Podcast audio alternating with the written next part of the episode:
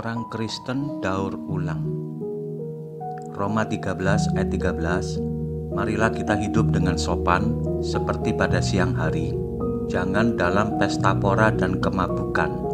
Jangan dalam percabulan dan hawa nafsu. Jangan dalam perselisihan dan iri hati. Selama kita hidup di bumi ini Pertempuran yang terjadi di dalam diri kita akan terus berlangsung. Musuh terbesar kita yang seperti banyak anggapan orang adalah iblis, sebenarnya bukan demikian. Sebab Kristus sudah mengalahkan iblis dan antek-anteknya di kayu salib. Siapakah musuh terbesar kita? Itulah daging kita.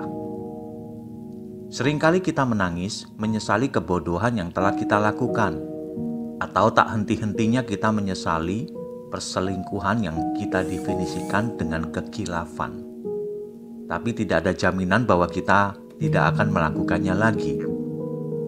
Kita tidak berani berjanji dengan sungguh-sungguh di hadapan Tuhan untuk tidak melakukan perbuatan salah itu. Mengapa? Alasannya satu, kita tidak berani memberikan jaminan bahwa kita tidak akan melakukannya lagi. Saat ini banyak orang Kristen tomat, tobat, kumat, lalu tobat lagi, dan kumat lagi atau orang Kristen daur ulang yang minta disucikan lagi setelah berbuat dosa, namun melakukan kesalahan yang sama berulang-ulang. Ingatlah bahwa benda yang sering didaur ulang, kualitasnya akan menurun dan kalau terlalu parah, dibuang ke tempat sampah. Firman Tuhan menyuruh kita untuk hidup dengan sopan. Jangan dalam pesta pora, kemabukan, percabulan, hawa nafsu, perselisihan, ataupun iri hati. Artinya jangan lagi kita diperhamba oleh dosa, sebab Kristus sudah mematahkan kuk perhambaan itu. Tetapi tubuh yang kita diami ini selalu ingin mengumbar nafsunya. Mata kita tak henti-hentinya ingin berkelana menikmati dosa. Kaki ini maunya ke jalan atau ke tempat-tempat yang penuh dengan lumpur dosa. Tangan ini juga kadang tidak dapat dikendalikan dengan baik hingga istri sendiri dibuat KO dalam satu ronde. Kalau sudah begitu, kita menyesal. Mengapa penyesalan selalu datang terlambat?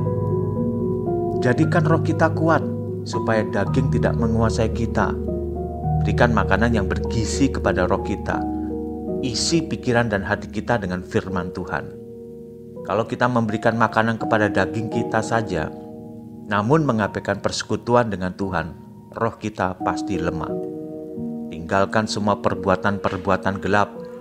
Bila kita adalah anak terang, bagaimana mungkin kita masih menyukai perbuatan-perbuatan gelap? Ayo, bangkitlah menjadi terang, supaya nama Kristus dimuliakan dalam hidup kita. Amin. Tuhan Yesus memberkati.